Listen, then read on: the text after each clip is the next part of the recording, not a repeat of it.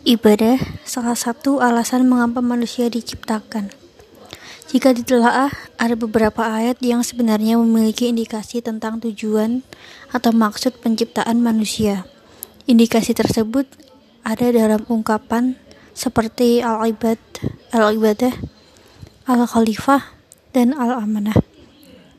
Tiga ungkapan kata tersebut tertuang dalam beberapa ayat Al-Quran.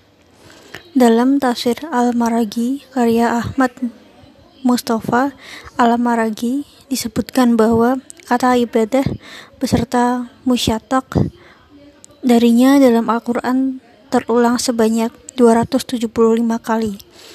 Ada tiga ayat yang paling relevan untuk menjawab dua pertanyaan di atas sebagai berikut.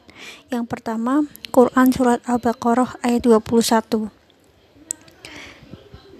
yang artinya, Hai manusia, sembahlah Tuhanmu yang menciptakanmu dan orang-orang yang sebelummu agar kamu bertakwa. Ayat ke-21 dari surat Al-Baqarah ini berisi ajakan untuk menghambakan diri hanya kepada Allah Subhanahu wa taala.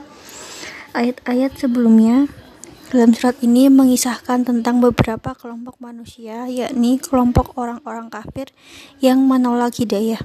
Selain itu, ada pula kisah kelompok orang-orang munafik yang masih ragu, yang masih dalam keadaan ragu-ragu.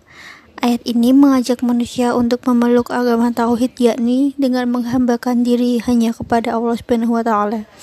Tuhan satu-satunya. Dan tunduk serta mengikhlaskan diri hanya kepadanya.